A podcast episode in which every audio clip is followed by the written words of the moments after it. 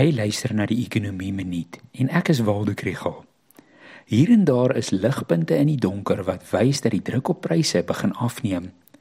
Hoewel ontleeders verwag dat Julie maand se inflasiesyfers wat hierdie week bekend gemaak word, hoogtepunte gaan wees. Teen amper September is verbruikers onder druk. Produksie neem af, kommoditeitspryse het begin daal en ons betaal selfs 'n bietjie goedkoper vir petrol. Mense hou asem op dat ons dalk 'n sagte landing kan maak waar pryse begin daal voordat die ekonomie te veel inkrimp. Maar verlede week het die Reserwebank bietjie koue water oor ons uitgegooi. Hulle is natuurlik besorg dat die prysskokke van brandstof en voedsel gaan uitbrei na 'n volgehoue proses van stygings van lone en pryse en het Woensdag in die parlement verduidelik. Die adjunkgouverneur Kuben Naidu het gesê dat loonverhogings toegestaan word wat net bo die Reserwebank se inflasieteiken van 3 tot 6% is.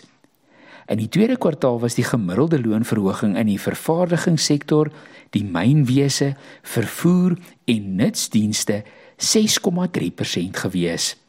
In die leerbedryf is 3,7% verhoging gegee en 7% in die tekstielbedryf.